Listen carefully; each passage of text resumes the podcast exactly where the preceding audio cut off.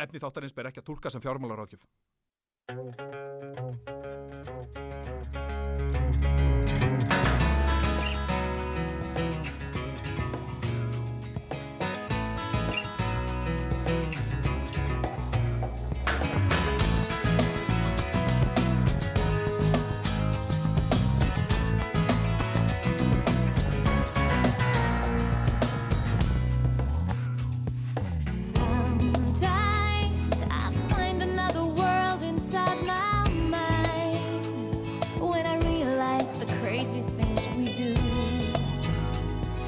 Makes me feel ashamed to be alive. It makes me wanna run away and hide. It's all about the money. It's all about the dum dum da da dum dum. I don't think it's funny. I don't think it's funny, it's all about the money. Það eh, söng Maja hérna á sínum tíma og uh, þetta lag þýðir aðeins eitt, fjárfesting, skemmtið þetta um fjármálin, hefur hafið göngu sína þennan uh, fimmtudaginn. Í dag er 21. oktober og klukkan er uh, 8 minútur yfir 5. Ég heiti Hákon Jóhannesson. Ég heiti Mattías Tryggvi Haraldsson. Já, þið eruð að hlusta á vistvænustu útvarstöðu landsins, útvarssögu og uh, þið getið hugsað um það ef þið eruð að stíga á, á bensingjöfuna í umferðinni uh, þá eru þið nú allavega að leggja ykkar á mörgum með því að styðja umhverfisvænustu útvarstöðu landsins. Ég er búinn að krota staðrendir um þema vikunar á, á aftan á blað sem var búið að prenta á. Já, Svo dæmis er tekið. Þetta er pa pappir sem var búið að prenta mynd á og Já, er að er- endur nýta þetta blað. það er eitthvað, það er góð nýting á pappír og, og, og, og, hérna, og eitthvað sem að er, er, verður ekki, það verður ekki annað sagt um, um þetta Og eitthvað sem er aldrei gert til dæmis á bylgjunni. Nei, nákvæmlega. Alltaf ný blöð. Þannig að við segjum til hamingju þeir sem eru að hlusta núna, uh, þeir eru að hlusta á grænt útvarp, þeir veldu grænt útvarp og við segjum já takk, grænt útvarp já takk. Já, takk. Útvarpsaga græn í gegn.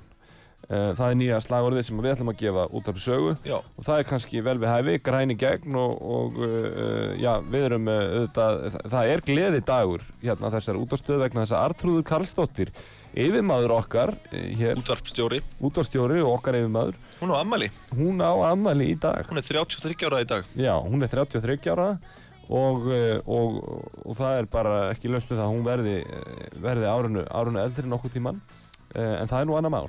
Hún Eh. yngist ef eitthvað er. Já, og Íslandsjóður, þeir vildu skila kæri kveðju á hana Artrúði, þeir sögðu til hamingju með daginn mín kæra Artrúður og takk fyrir þín störf. Og til að fagna deginum þá viljum við bjóða þér að fjárfesta í, í ýmsum sjóðum hjá okkur. Já, Enda einmitt. er það ráðleg og góð uh, fjárfesting án þess þó að við ætlum að ráðleggja þeir neitt fjármálalega séð. Já, þetta er ekki fjármálaráðgjöf, þetta er ammælisgjöf. Já. Þetta er. Þetta ammælisbóð, já, Fjármálamarkaðarnir eru veistlusalur já, og þessir sjóðir eru partí já, já, já, já. þér til heiðus. Fjármálamarkaðnir eru veistlusalur, einmitt, og, uh, og, og, og hvernig veistlusalur, uh, hvernig veistlusal serðu fyrir þér? Ég sé fyrir mig kristalljósakrónu, Já, stóra háa glugga, já, fallegan garð fyrir utan, já, fólk af, af öllum toga. Einmitt, að skiptast á hérna, snittum og, og drikkjum.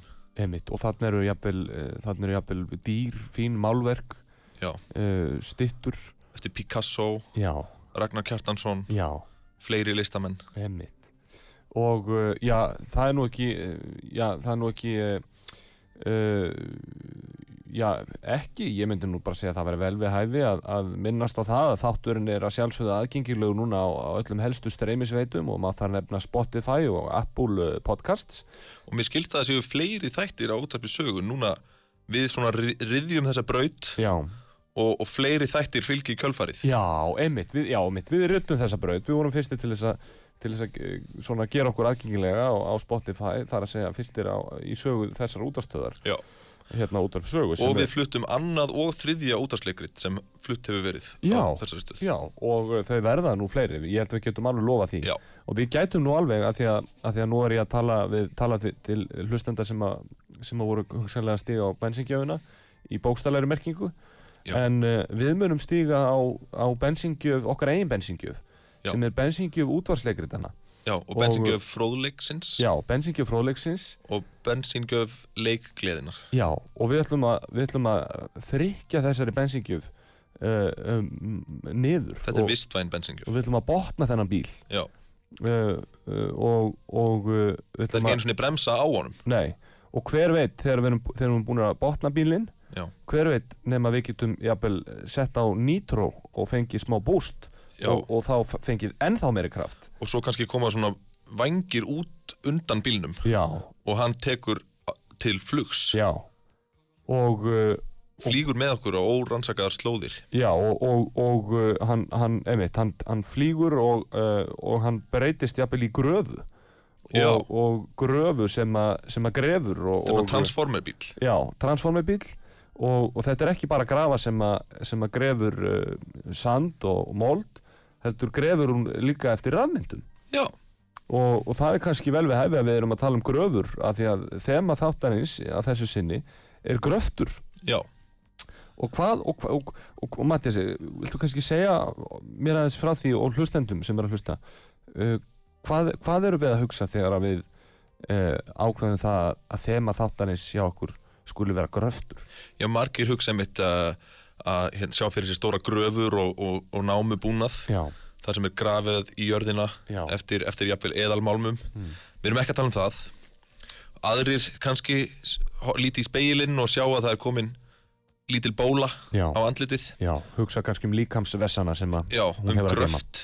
Við erum ekki heldur að tala um fjármál, fjármálahliðar þannig graftar Nei, í dag. Nei, Við erum að tala um rafrænan, stafrænan, rafmynda námu gröft. já, já, Og þetta er þar, þar að leiðandi framhald Já. síðan síðustu viku þegar þema vikunum var varið mitt rafmyndir. Til að rannsaka afdrif og uppruna og, og framleiðslu þessara einmitt. mynda. Þess má nú þó geta að uh, þeir sem vilja ringja hér inn og ræða um uh, hverskins gröft í uh, fjármálulegu samhengi og bara öllu samhengi, þeim er auðvitað frjálst að gera það sem er 588 1994 og uh, við ætlum að vera, við ætlum að vera gjafmildir á, á hlustendur og gjafmildir á okkar tíma. Ef að hlustendur vilja, vilja ringja inn og leggja orðið belg þá ætlum við að taka því með opnum örmum. Og móttækilegir fyrir gjöfum Já, þeirra já. sem innringja. Já, já, já, já, við spjöllum um, um allt milli heimis og jarðar en, en áherslan í dag er á gröft og uh, ég held að það sé ágætt að, að byrja þetta þá á því að, spila fyrir ykkur uh, lítið lag sem að beintengist nú þema vikunar. Þetta er uh, lagið Gold Digger með Kanye West. Gjörðu þið svo vel. She take my money when I'm in need. Yes, it's a trifling friend indeed. Oh, she's a gold digger way over town that digs on me.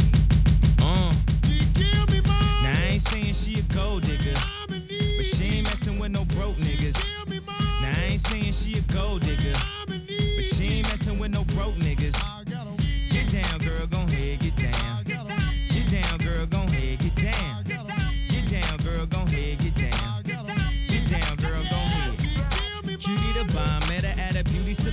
A baby Louis Vuitton under her underarm. She said, I could tell you rock, I could tell by your charm. Far girls, you got a flock, I could tell by your charm and your arm. But I'm looking for the one. Have you seen her? My psychic told me she have an ass like Serena, Trina, Gina for Lopez, four kids, and I gotta take all they badass to show biz. Okay, get your kids, but then they got their friends. I pulled up in the bins, they all got a bin. We all went to den, and then I had to pay. If you fucking with this girl, then you better be paid. You know why? Take too much to touch her. From what I heard, she got a baby by Buster. My best friend said she used to fuck with Usher. I don't care what none of y'all say, I still love her. Now I ain't saying she a gold digger, uh, but she ain't messing with no broke niggas. Uh, now I ain't saying she a gold digger, uh, but she ain't messing with no broke niggas.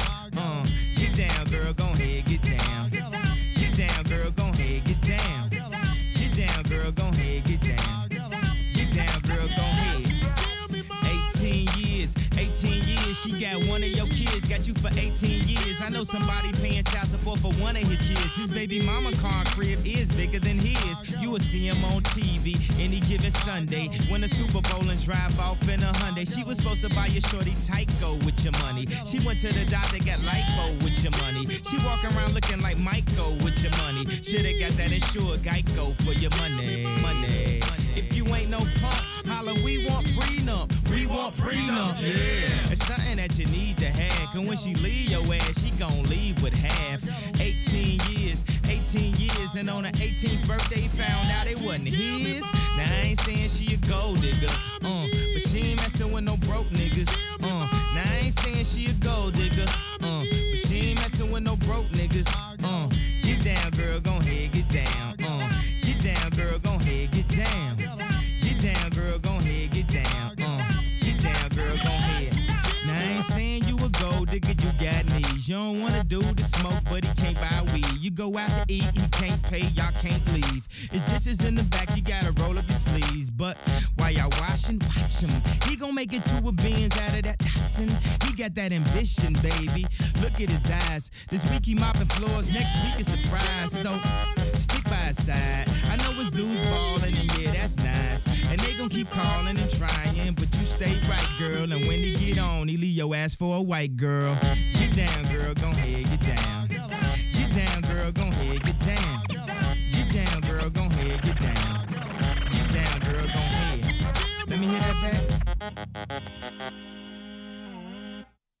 Já, þá lagi Gold Digger með Kanye West Eh, Þeir að hlusta fjárfestingu skemmti þátt um fjármálin Þema vikunar þessu sinni er gröftur Það er mitt áhugavert að, að hugsa til þess að, að margir sem hlusta á þetta lag þeir, þeir halda og þau halda að þetta sé sko, þannig að sé sungið um ákveðna konu.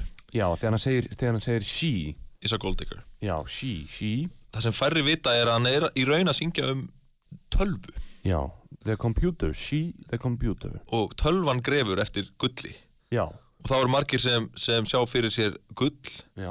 En þá erum við náttúrulega að tala um bitcoin. Já, við erum að tala um annars konar gull. Við erum ekki að tala um gull eins og við þekkjum það Heldur erum við að tala um rafrænt gull margir vilja meina að bitcoin sé rafrænt gull. Já, já þetta er auðvitað uh, svona örlítill ingangur í þá umræðu sem við ætlum að fara út í hér í þessum þætti í dag en það er komið að föstum lið hjá okkur. Uh, við ætlum að vinda okkur beint í hann enda erum við uh, með nóg á okkar konnu uh, að þessu sinni og þetta er að sjálfsögðu viðskipta fyrirsagnir vikunar, gjöru þið svo vel.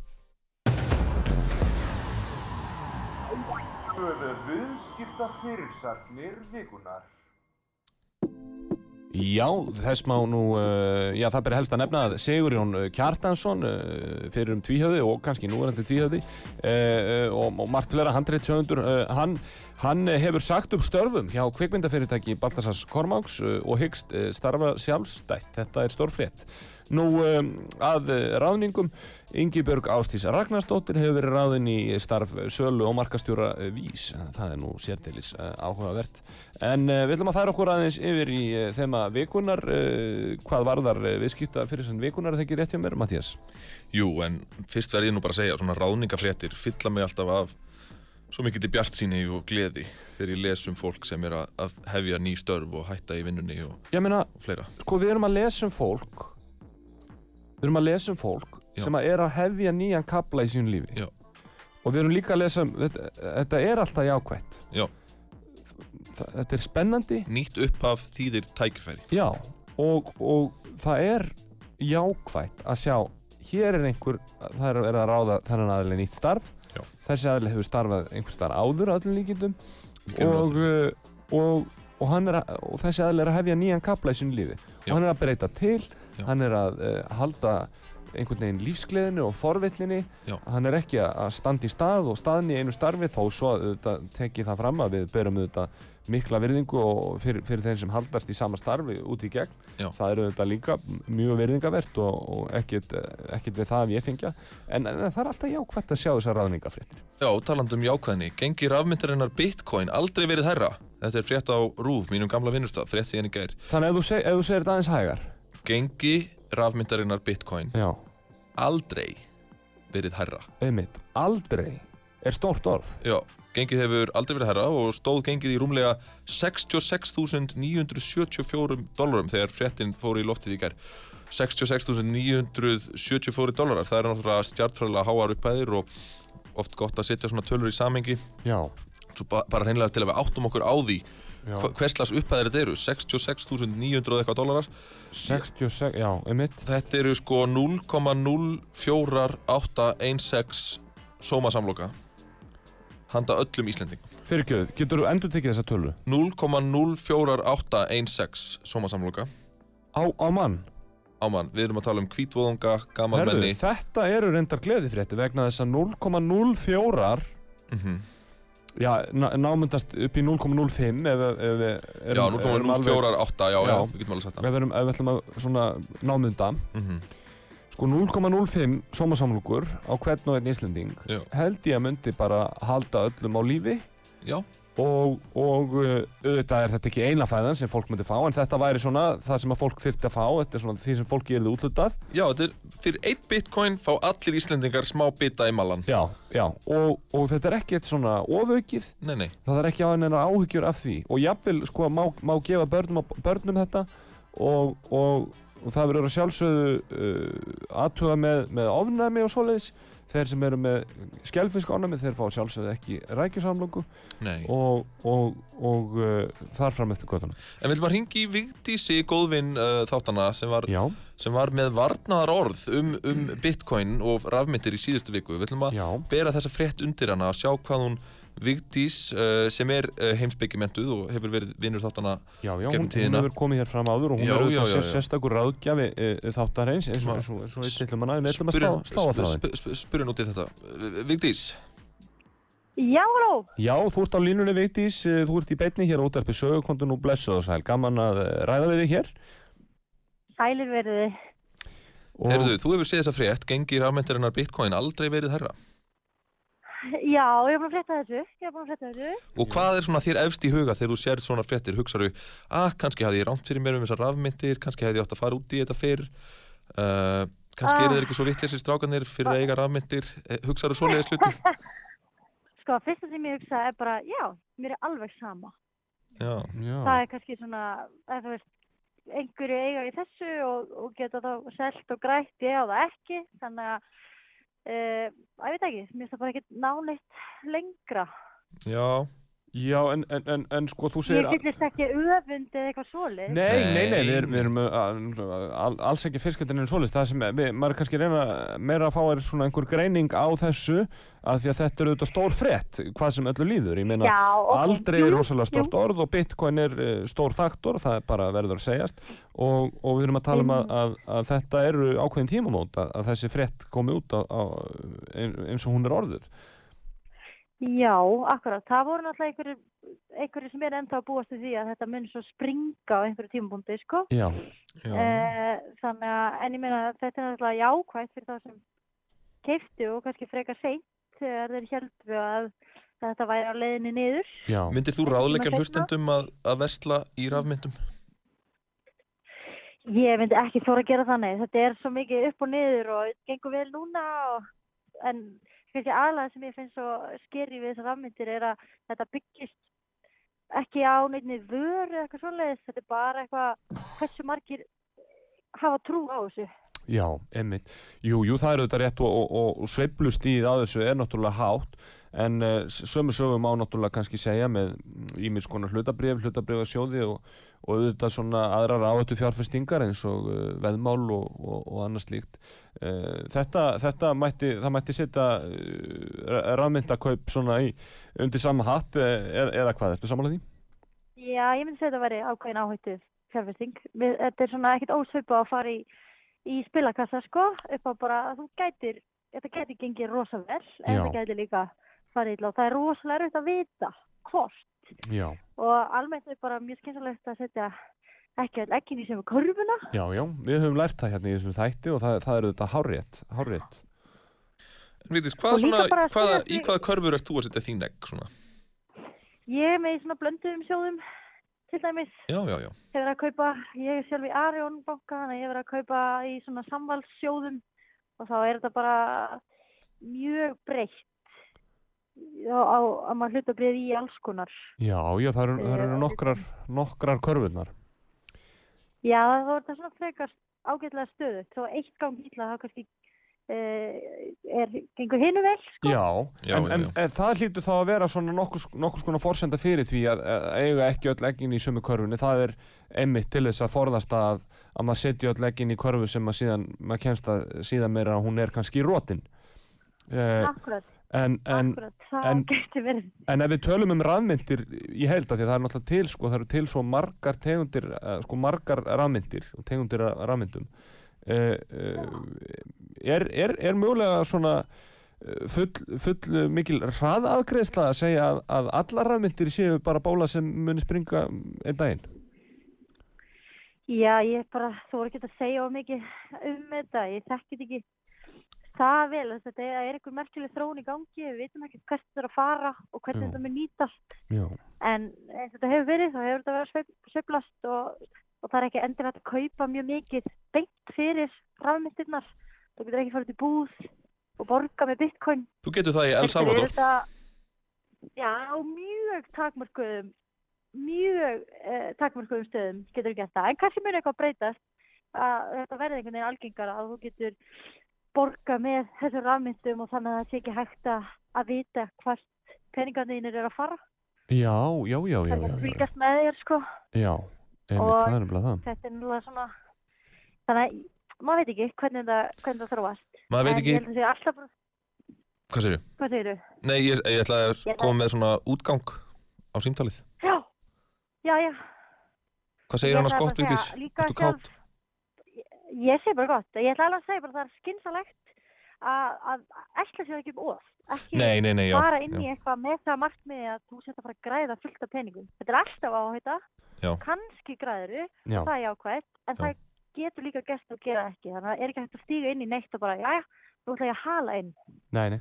Nákvæmlega. og, og það er náttúrulega það sem eh, fylgir svona, svona fjárfestingu, það er áhættan og, og eh, við þetta hvetjum, hvetjum alla hlustendur til þess að eigða ekki umfram efni þegar kemur að því að stunda svona áhættu fjárfestingar og, og, og hvetjum allavega fólk til þess að svona uh, hafa varana og, og, og svona vita hvað það er að gera eh, ef svo má segja. Eh, Það er, það er oft sagt sko, svona sem eh, svona ágættis eh, regla uh, við, við svona veð, uh, þegar fólk er að stunda veðbanka og viðskipti með veðbanka er að það er sko spilað af ábyrð Já, Já.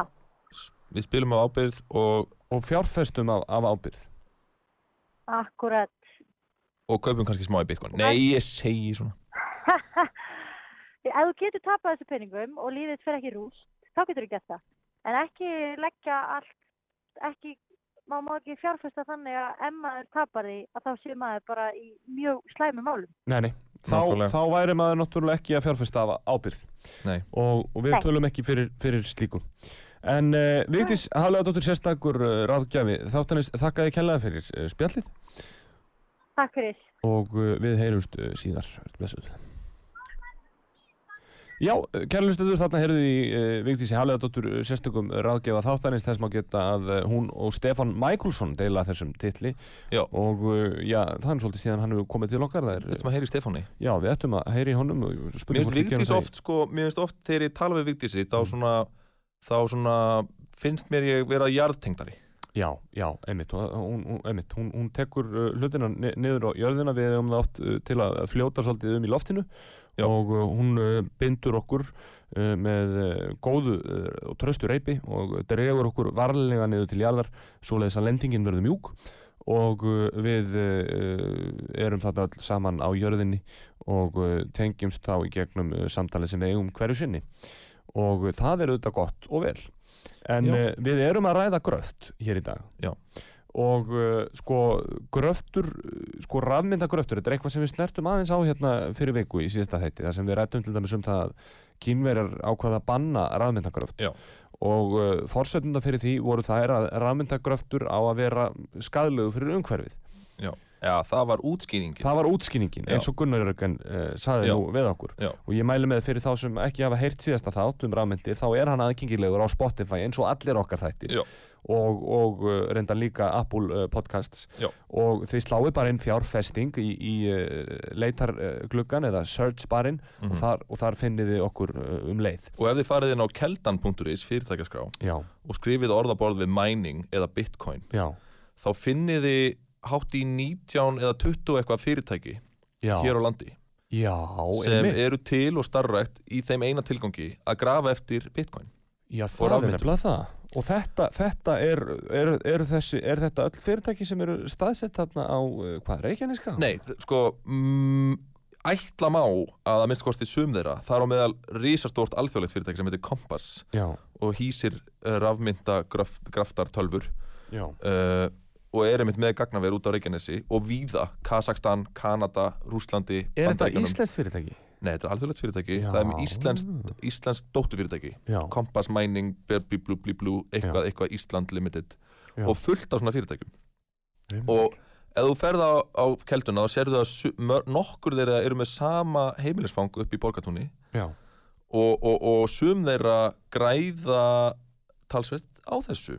Já, e, einn ásreikningur, eitt árið tekjurnar voru 500 og eitthvað miljónir þú veist, einmitt 500 og eitthvað miljónir, það, meina, það, það er þá óhætt að segja. það var bara eina talan sem ég sá svona, þú veist, þú veist það er, ég hef ekkert náttúrulega En það lítur að vera eitthvað verðmætt í þessu, þegar ég minnist þess og, og kannski einhver hlustendur líka og, og, og kannski þú líka, að það, það var einhver, það var einhver þjófnaður sem átti sér stað þarna á Reykjanesi. Það, það var verið að reyna að brjótast inn einhver staðar Já. og það var verið að reyna að ræna tölvum sem voru að stunda uh, rafmyndagröft. þeim var rænt og öryggi var, var hækkað Já, var, var ef, elfdur já, en þetta segir okkur það að, að það er eitthvað verðmætti þarna í þessu. Það, meina, þetta voru ekki bara einhverjar tölvur sem að, Þetta eru að- sérhæfðar tölfur já, sem eru hannaðar til þess já, að leysa ákveðin svona reikningsdæmi eins og. Gunnar Jörgen var að lýsa í síðasta þætti já, með það að augum að grafa eftir bitcoin einmitt. og kannski öðrum rafmyndum líka Já, þetta er svona eins og bingo hann, hann líkti þessu við bingo hérna hann Gunnar Jörgen, Sko- um Já, og því fleiri tölfur og betri því fleiri bingospjöld eftir með já, já, einmitt og mér varst þetta svolítið, svolítið góð líking hjá hann sko, því að maður, maður hugsa um það er svo einfalt að skilja bingo sko Já. það er svo einfalt, þú fer bara í vinabæ Já. og þú getur keftir eitt spjald, þú getur keftir tíu Já. það er alveg eins með þessar tölfur sem að grafa eftir rafmyndum Ég held að þessi fyrirtæki sem er að hýsa grafara tölvurna sínar út á Reykjanesi já, uh, séu með all nokkur bingospjöld og þá er tölvan bara í bingo já, og öðru kóru vinnur hún eitt stykki bitcoin. Já. Eða reyndar nokkra bitcoin og ég meina ef þú verður óprútin aðili Já. og værir í vinabæ Já. og það væri maður með já, hundrað bingospjöld skulum við segja. Já, og svona hálf dottandi yfir þeim hálf dottandi yfir þeim, engin örgiskensla þú ert óprútin aðili Já, uh, sem dæmi. Og ég meina þú lítur að fresta til þess að tegja þig í kannski fimm spjöld af þessum hundrað. Já. hann lítur, hann sér ekki af því. Í hugsar þessi óprútni aðili kannski með Já. sér. Og í raunheimum var þetta svona og í staðan fyrir bingospjöld voru þetta hinnar viðfrægu antminer mining tölfur já, já, já, og, og, og með, með það bak við eirað þá förum við í auglýsingar. Uh, hingað kemur uh, bitcoins byggingur og ræðir við okkur og við fáum pistil og, og opnum á síman já við verðum hérna handan við hodnið blessa á meðan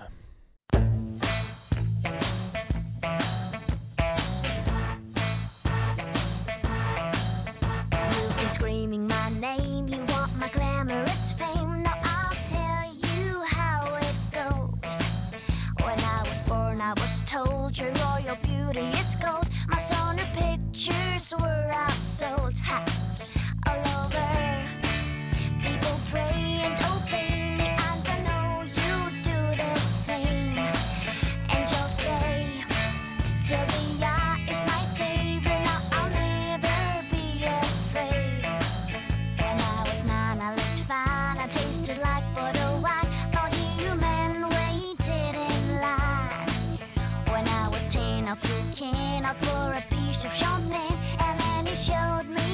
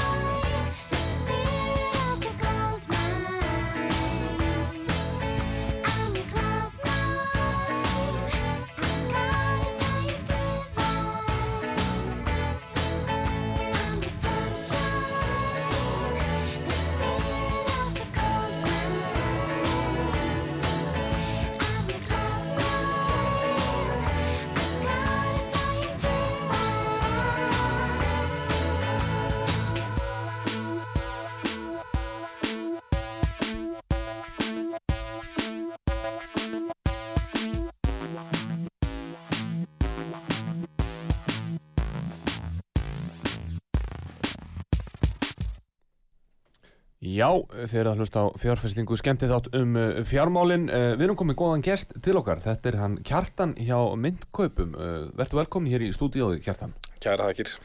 uh, Þú starfar eins og aður segir hjá Myndkaupum Já, Viltu segja mér aðeins bara stutlega frá því hvað, hvað er það sem það þið gerið? ég held að það sé einfaldast að svara að segja bara við erum miðlun aðalega fyrir uh, á Bitcoin. Þar sem sagt, Íslendingar, Íslendingum gefst kostur á að með einföldum, skjóturkum og örugum hætti að kaupa Bitcoin Mm. og einselja Bitcoin. emitt, emitt Og þið svona haldið utan um, um kaup og sölu uh, uh, aðila sem hafa áhuga á því að, að, að fjárfesta í, í Bitcoin? Já, Það var meðal uh, mínum bitcoin Já. já, emitt Ég er hjá myndkaupum. Þú ert viðskiptavinnir á Myndkaupum Og þess að ge- geta að myndkaup er ekki styrtar aðli þessa þáttar Við Nei, reyndar nei.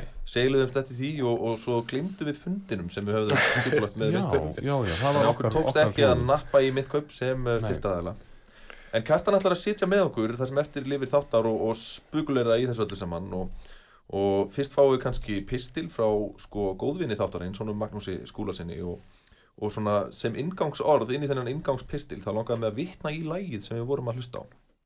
Og þegar mér fannst þetta eiga svo vel við Bitcoin. Mér leiði eins og Bitcoin væri ljóðmælandi lagsins að syngja í, með rödd Silvíu nætur. Hún segir Now take a good look at your history books to see how I have changed the world. I have eitthvað, eitthvað, eitthvað og svo kemur eitthvað. And now the whole world sings along þetta er hérna þetta er bara, finnst mér vera Bitcoin að syngja. Einmitt. og með það bak við eirun þá fáum við pistil frá Magnúsi Skúlasunni gjör þið svo vel. 21. oktober 2021 Reykjavík. Um afdrif og uppruna bitcoin rafmyndarinnar og hvítbók þar að lútandi. Magnús Skúlason, kandidatus magisteri Árið 2008 urðu einhverjar mestu sviftingar sem sérst hafa á alþjóðlegum fjármánamörkuðum og það með geipilegum afleðingum. Eftir að stæstu skjáltarnir skókumarkaði byrtist forvitnilegt rít á veraldafefnum. Þetta var eins konar minnisblad eða hvítbók en höfundur minnisbladsins fer huldu höfði og er nafnlaus enn þann dag í dag. Fyrstu lesendur þessarar forvitnilegu hvítbókar gáttu þá varla hafa ímyndað sér hversu viðtæk áhrif þetta nýstarlega fyrirbæri sem þarna var fjallum átti eftir að hafa í för með sér. Það er ráðræn mynd að nafni Bitcoin. Ritið sjálft er eh, hundleiðileg lesning ef út í það er farið. Þurrar tæknilegar útfærslur á nýri tegund myndar sem byggir á svo kallaðiri bálkakeðju eða blockchain á frummáli minnisblaðsins. Möguleikarnir sem áttu eftir að sanna sig eru öllum merkilegri. Hugmyndin um gjaldmiðil án landamæra sem aðeins fyrirfinnst í tölvunni og lifir sjálfstæðu lífi utan seilingar miðstýrðar stopnarna á borðið Sælabanka eru margt stórtæk. Í stað miðstýringar er bálkakeðjunni eða færslu yfirliti rafmyndarinnar, ef svo má orðu komast, haldið úti af víðfemnu neti tölva. Hver sem er getur lagt málstæðum lið með gagnamagni sinnar eigin tölvu og getur jafnvel átt vona á þóknun sem greitt er í áðurnemndri rafmynd. Það er að segja viðkomandi geti fengið sendan ný slegin bitcoin. Slík vinna er kent við námugröft og er þá myndlíkingin svo að bitcoin sé eðal málmur og tölvan haki sem sækir málminn í jörðina eða í þessu tilfelli á veraldarhauðin og áður nefnda bálkakeðju sem er auðvitað ekki annað en forritun og góði. Fyrsta fæslan við Bitcoin var framkvæmd í janúar árið 2009. Það var þegar fyrstu Bitcoin myndirnar voru slegnar og færðar til í fyrsta námu grafans. Fyrstu kaupin með Bitcoin sem vitaði til voru framkvæmd árið 2010 þegar forreitari nokkur kefti tvær pizzur eða flatböngur frá veitingarstaðnum Papa John's. Þessar pizzur voru keftar fyrir 10.000 Bitcoin sem margir myndu telja að væru dýrar pizzur í dag. Það er tvær pizzur að verði 85 miljardar íslenskara króna, hvorki meira nefn minna. Hvort slíkur veldisvöxtur í markasverði rammunda sé komin til að vera skal ósagt látið. En eitt er víst að námu grafarar tölvuheima geta keftir fleiri pítsur í dag en í gær. Þetta er Magnús Skúlason sem talar fyrir út af sögum. Já, Já, glæsilegu pistillarna hjá Magnúsi í skúlasinni. Kjartan, hvað, hvað segir þú uh, um, um þetta? Er, er, er, er hann að fara með einhverja rángfæslur þarna? eða Er þetta, er þetta svona nokkuð, uh, nokkuð hnittmiðuð uh, úttekt hjá, hjá Magnúsi? springmentaður pislahöfundur segir þetta. Einmitt, já, þetta var að minnst að kosti allt kórétt sem Já. þarna kom fram. Já. Eh, Bæði sko staðrindalegu atriðin en mér fannst líka lokaorðin mjög góð að því að þau voru hvort í senn sko varfærin að það er auðvitað rétt að, að sko svona veldisvöxtur hann getur auðvitað ekki gengið sko út í óendanlega því að, því að peningur sem Bitcoin er getur náttúrulega aldrei orðið verðmætari en þau verðmæti sem til eru í heiminum. Það, það er svona peningar eru, þeir eru ávísun á hérna verðmætin sko. En, en þetta voru samt mjög góð lokaorð sko þetta að sá sem hérna e, set, átti bitcoin í fortíðinni getur keift sko fleiri pítsur fyrir bitcoin sitt í dag heldur hann gat þá. Því að almennt náttúrulega eins og við þekkjum með fljótandi gjaldmiðla sem eru ekki bunnir gullfæti eða eru nokkrum sköpum hlut. Öðru en bara einhverju uh, sko lofurði seðlabanka um, um ábyrga peningastjórnun.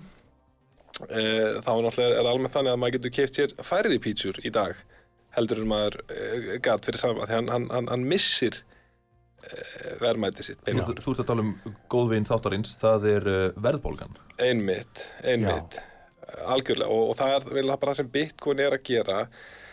E, það er dálítið bara já, ætla að ekki segja einföldun að segja verðbólgunni stríða á hendur. Um, sko og e, mér er líka áhört að setja í samingi við bara nafn þessar þáttar, fjárfæsting mm. Af því að auðvitað er alveg rökrétt að líta á Bitcoin sem fjárfæstingu og skilgrina Bitcoin sem slíkt að minnst að eins og sakir standa. En ef þið samt spáðu í það af hverju þurfum við að fjárfesta fyrir peningin okkar? Það er vegna þess að hann missir vergildi sitt með tíman, verðbólgan étur hann. Það vita allir að það er ekki og, og þess vegna er þetta svo rökrétt hugtakanótkun fjárfesting.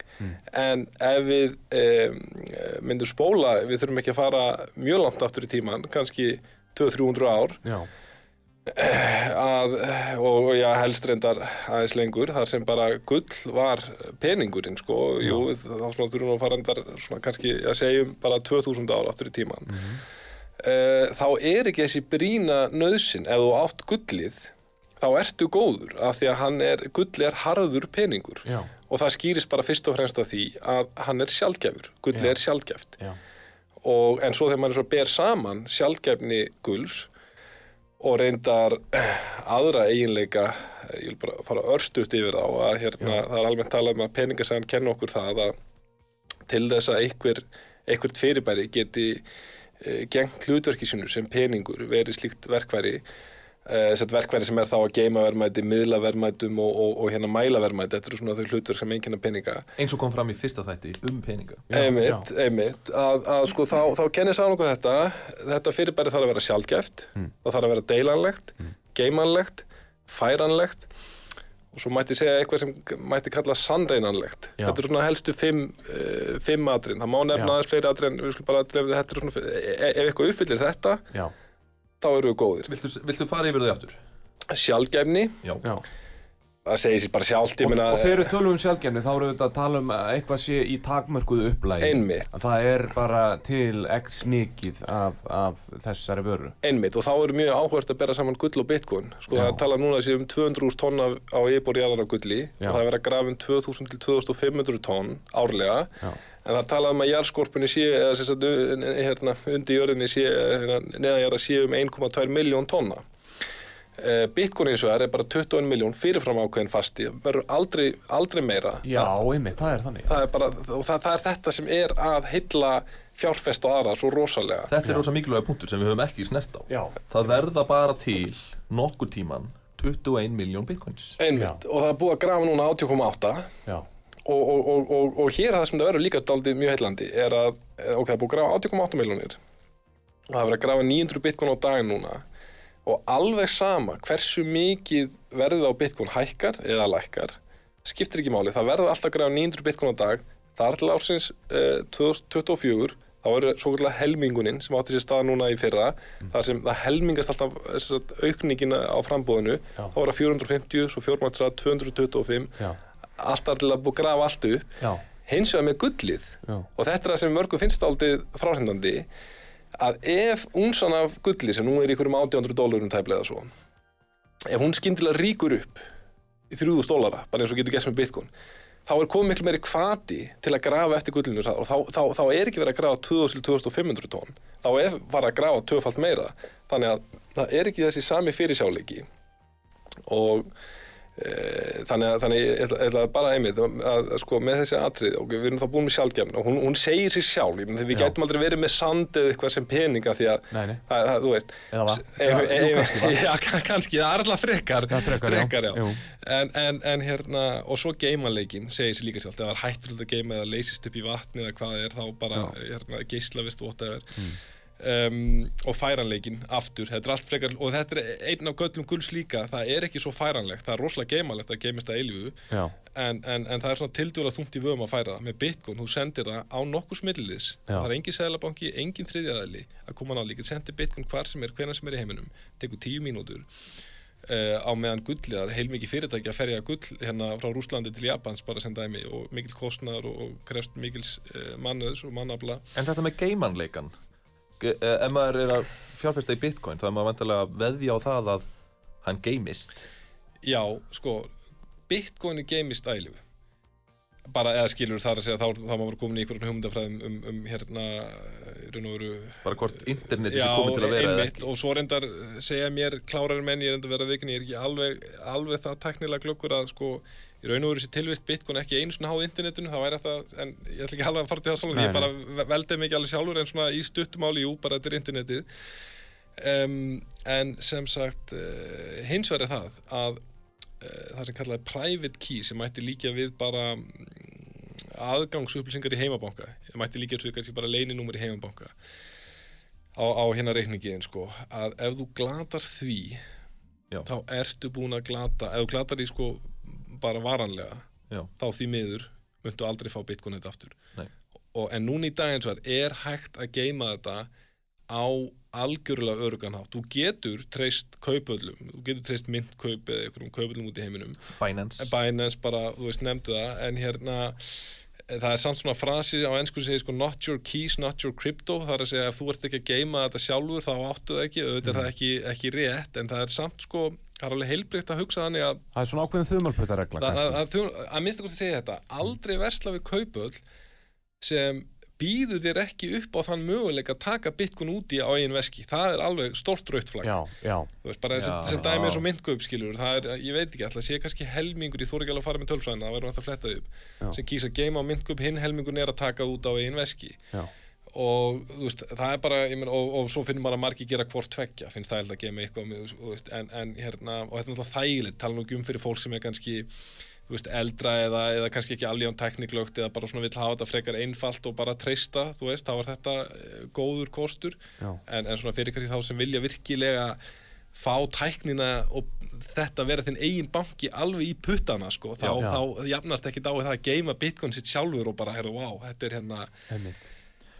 Minnum örstuðt á síman Já, já, síminn er auðvitað 588-1994 öllum hlustendum eh, er velkomið að ringja hér inn sem að vilja leggja orði í belg en, en sko mér leikur fórhætni á, á, á einu sko af því að, af því að eh, allt sem að er eh, sko flokka sem velmæti eh, hefur verið falsað með einhverjum hætti Mhm. og er hægt að falsa Mhm. er, er með einhverjum móti hægt að falsa bitcoin? Nei, ekki fræðilur möguleiki. Nei. Ef við getum sagt, ok, það er fræðilur en hann er engungu fræðilur. Já, já. það, er, það, að segja, það er að segja hérna, sko, og uh, það sem mér finnst, ég held að ein ástæð þess að við erum aldrei lengi að taka við okkur uh, með bitcoinið, sko, því að, ég menna, ennþá myndi ég segja að svona 97% heimsins bara bæði skilja þetta ekki og vilja ekki sjá þetta, sko, en, en svo prósta er samt jafnt og þétt að minka, sko.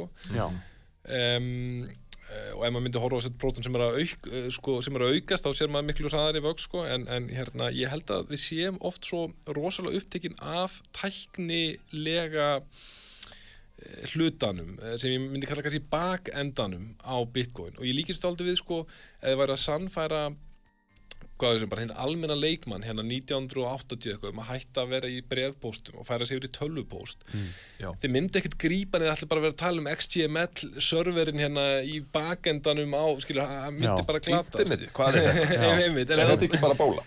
einmitt, einmitt Eh, þetta er sagt um allar teknibildningar er bílinn, rafmagnið, Já. internetið þú veist, og þetta er sagt um bitcoin um, og að því að bitcoin maður á að líta það sem teknibildningu í peningamálum. Já, já, einmitt, já, þetta er nefnt mjög skemmtilega orða, tæknibilding í penningamálum já, Þetta náttúrulega er það. Þetta er það, þetta er það. Ef þú meina- trúir á þetta. Já, já, já, ég meina þetta, en það er bara, það eru stundu það, þannig viðskipti með þetta, það, á, á, það sko stóru mælikvarða, þetta hlýtur að vera og það er, það er einmitt líka þannig að kemur um ótrúlega eh, góðan punkt vegna þess að ok, við, við nefndum þessu fimm atrið sem voru mjög sjálfgefni, geimanleiki, færanleiki hérna eh, þekkjanleiki og hvað var það hérna? Er um að sannreina já, sko, já, já, einmitt, Og skipta Þess má Eh, geta að það að skipta bitcoin í miljón 100 miljón 100 miljón Þannig að eitt Hvað maður að kalla sko, eitt 100 miljónasta já, sem er kallað SAT Sa- eftir Satoshi Nakamoto sem hérna er sem sagt dulnefnið sem stofnaði fóritið sko, þá er það já. kallað Já, SAT. já, já. og það er mæleiningin því það er alltaf að segja, æ, hvernig mynda nokkuð tíma ná okkur brautagengi? Það er svo óþjált að tala um eitthvað 0,0 og- alveg hárið Já, en þegar þetta er búið að kannski segja um tífaldast já sko, e- já, Þú segir þegar. Já, ok, já, já, ég maður að vera er kannski markarri, en, en sko hérna segjum, segjum kannski búið að 15 faldast eða svona eitthvað 12-13 faldast þá er þetta cirka, þá er eitt satósi jafn mikið og ein króna. Ein króna er eitthvað, man ekki 13-14 satósis núna, á genginu sem núna er. Já, já, já. Og þá er þetta orðið aldrei þjált sko, mann finnst aldrei tilgerlegt þegar svona bitcoin er að- eins og ég sjálfur er að reynda já, hvað kostar þetta mörg satt, þetta er enda aldrei tilgerlegt sko, við erum ekki alveg komin hana en Já. þetta verður að síður. Já. Ef, ef mæleiningarnar verða uh, aðgengilegar og skiljanlegar. Mm og við náttúrulega setjum þetta í samhengi með sómasamlokum. 1 bitcoin er 0,04816 sómasamloka handa hverjum og einum Íslendingi. Já, miklu skiljanlegri tölur einmitt, Já, við vorum reynda líka að líkja hérna, við vorum að líkja sko svona uh, tölvum sem fólk nota til þess að grafa eftir bitcoin. Uh, já það var reynda Gunnar Jörgen sem var hérna hjá okkur í síðasta þetta mm að spjalla við okkur, hann var að líkja þessum tölvum við, við bingospjöld. Já, já, Sagði að einmitt. eiga eina tölvur eins og kannski eiga eitt bingospjald þegar þú dálítið ferð til í- á, á bingokvöld. Og svo, og svo eigur náttúrulega líkurnar á því að þú fáir rétt að tölu eftir því sem þú eigur fjölda bingospjalda einmitt, einmitt, það er alveg, alveg hérna, lögrétt sko. Og, og en, en ég, ég, ég held einmitt fyrir en almenna leikmann ég, ég, sem auðvitað bara ég sjálfur er líka þó maður sé búin að vera í þessu ég meina, ég er ekkert búin að vera það lengi í þessu ég er, er ekki komið þrjú ár sko sem ég er búin að vera konar mikið í þessu. Og hérna, ég skil vel að þetta sé eh, fólk nálgist það sem áhættu sama fjárfestingu og það má svo alveg til sannsvega að færa að það eigi alveg einhver leiti við ennþá að minnstakosti til skemmri tíma því að sveiflunar eru enn mjög miklar. En ef maður næra að draga myndina þess út um, og, og svona tilenga sér aðeins meiri þólimaði ef ég fæ að hérna svona, tala lélega íslensku segja svona bara tilenga sér lengri tíma ramma sko. Þetta er bara mjög góð í stund að, að, að, að, að eh, sko eh, hérna þá Þá sér maður stærri myndina. þá sér maður stærri myndina og þá sér maður það að Bitcoin er ekki hugsað sem áhættu fjárfæsting þetta er einmitt hugsað eitthvað sem er örugt sparnaðanet harður peningur eh, sem er ekki háður duttlungum stjórnvalda eh, viðskiptabanka eða sælabanka um, og einmitt gerir þörfina ekki eins ríka að fjárfesta. Pælið til um sénu, nú, nú getur allir verið nokkuð sammála það að fasteignir eru mjög hérna, solid fjárfesting. Hafa reynst það bara í sko, já, bara mjög, mjög, mjög langan tíma. Já, og eh, er eins og staðan er í dag ef ég fyrir rétt með, ég held ég gerir það alveg öruglega er sá eignaflokkur í heiminu sem geymir langmestu verðmæti, talsveit meiri verðmæti heldur en hlutabæriamarkaðar og skuldabæriamarkaðar meira að segja. Um, en það er dálítið áhvert að sjá eins og maður heyri með uh, ríkasta fólki í Kína sem dæmi þeir að kaupa upp heilu hverfin í Vancouver, Kanada og London held ég líka og, og e, sérstaklega í Vancouver, Kanada þá standa þessi hverfi auð, þetta eru bara draugakverfi þeir hafa ekki eins og fyrir að leiða þetta út að þeir eru bara að reyna að koma peningur út úr hagkerinu í einhverja fjárfestingu.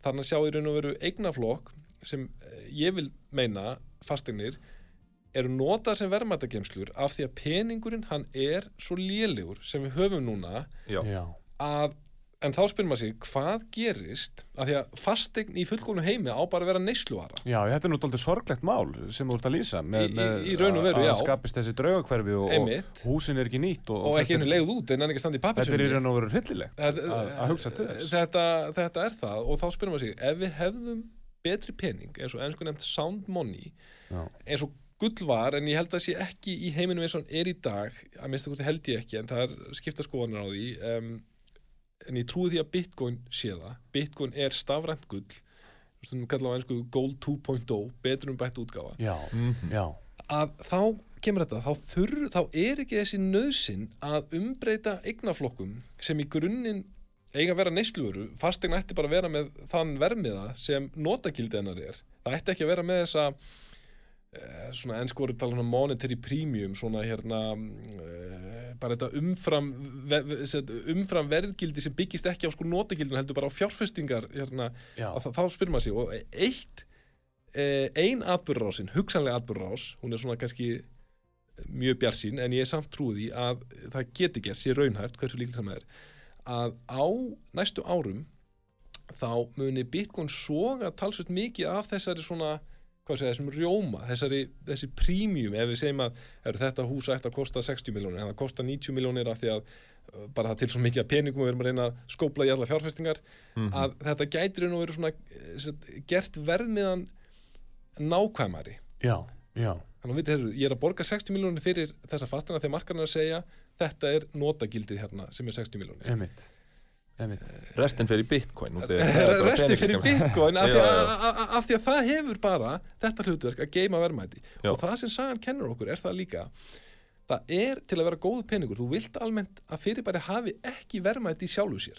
Og þetta held ég að það sem villur okkur sín þegar gull á í hlut að um, það segja svo margir, já ég skil gull, ég skil ekki bitcoin. Gull er áþræðalegt og það er brúklegt til ímislegs Já, þegar gull var virkilega peningurinn hérna á öldum áður Já. það var enginn að spá í notagildis það var einmitt svo mjúkt að það var ekki brúklegt til neins. Já, það var einmitt kostur á þetta, þú gast til ekki notað til neitt annað Nei. þetta var uh, góðu peningur, þetta var sjálfgæft og uppfyllt þessi skilirði já, þannig að hérna, það er ekki galli bitcoin, það er einmitt styrkleikið þess já, að það er gjörsamlega gaglust í raun og veru í allt nema þetta að Já. vera peningur En þetta er auðvitað skiljanlegt að fólk, að fólk hugsi þetta Mjög. með bitcoin að, að það óttist þetta því að það skilur ekki Mjög, og, og ég meina það sem fólk þarf náttúrulega að gera á endanum það ætlar, ætlar sér að fjárfesta svo í bitcoin er að það þarf kannski bara svolítið að leggja tröst sitt í þetta og, og þólinn með eins og þú talar um líka að, að þetta er allt svona hlutir sem að þú getur eiginlega ekkert sko þú verður bara að stökkva einhvern veginn á vagnin og, og, og, og þú verður að vaða blind í sjóin á einhverjum tímamúti ef þú ætlar að, hoppa um borð Algjörlega, en ég vil þó bæta henni við, það virðist vera aldrei ríkt í okkur Íslendingum, kannski fleirum, að þeir eru svona, já, ég er að spá í bitcoin en, en ég veit ekki alveg, þá finnur maður að fólk svo, herru, ef maður fjárfæstir í ykkur, þá bara er maður alvöru maður og setur Já. bara sleggju fjárhæð í þetta, annars Já. tekur ekkert að vera að þessu. Þetta er sem vera algjörn miskilning. Já. Og mér er mjög gaman þegar maður sér stundum ég að vel sterkefna fólk sko kaupa fyrir tíu skall á mánuði skilur, Já. af því að það, það, það er engin lámark þröskuldur veist, og, og, og, og hérna ég skil vel þú kannski farið í einhverja fjárfestingavegferð og þú hugsaðir í stærri tölur, þetta er bara ekki alveg það sama sko. Nei. Nei. Svo við ljúkum þessu nú á svona aðeins thematískri spurningu Já, Af hverju heldur öll þessi fyrirtæki sé að grafa eftir bitcoin hér á Íslandi? Það er hellingur af tölvum sem malla Já. bara hérna Compass Mining Compass Mining er eitt Arctic Mining eitthvað, þetta heitir alltaf eitthvað Já, Mhm. Hvað eru þessi fyrirtæki að gera hér? já hvað viljið þið Ég- hingað?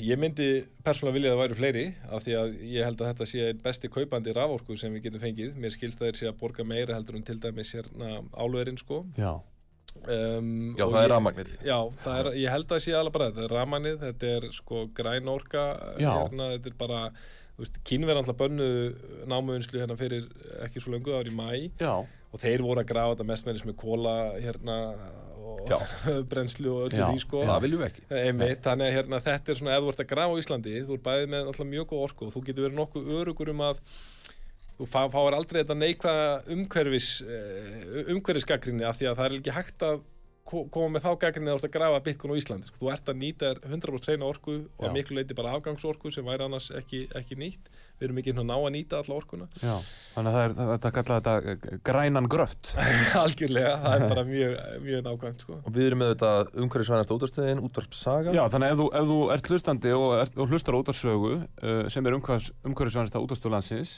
og uh, grefur eftir bitcoin á Íslandi þá ert þú að- gera ansi mikið uh, til að leggja þetta á voðaskálanar Já, jafnvel flokka í líka. umhverfismálum. Já, jafnvel flokka líka. flokka, dósir og pappa og...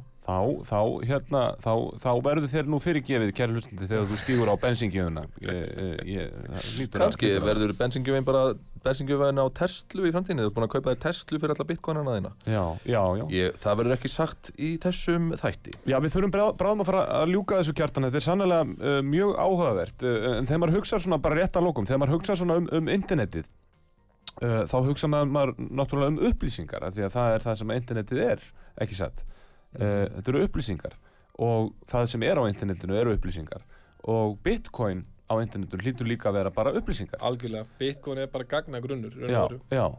En, en þá, þá finnst mér svo magnað að það sé ekki hægt að sko með neinu móti að falsa upplýsingarnar. Nei, og það er að því að þetta er algjörlega drift og sko, ég myndi í mér, sko, að því að sjálfur kem ég ekki með eitthvað taklingan bakgrunn. Mér er bara auðvitað að skilja þetta í raun og veru þannig að hugsaður ef það væri bara eitthvað sannleikur um að já, þú veist, þú væri 30 ára, bara sem dæmi, Já, skiluru já. og það væru hérna 50 manns í einhverju kerfi sem heldur allir á blaði segir, herðu, þú ert, þú ert 30 ára gammal, sko, Mm.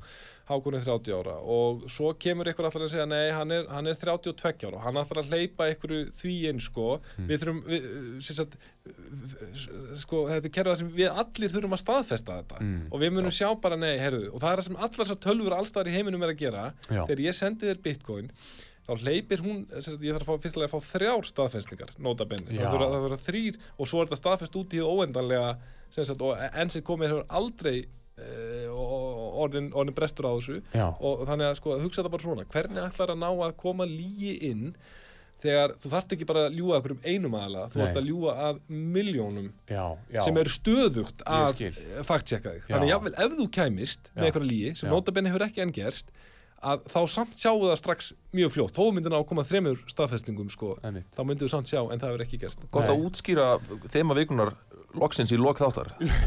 Já, Þessar já, ég tölvur meina- eru að staðfesta Já.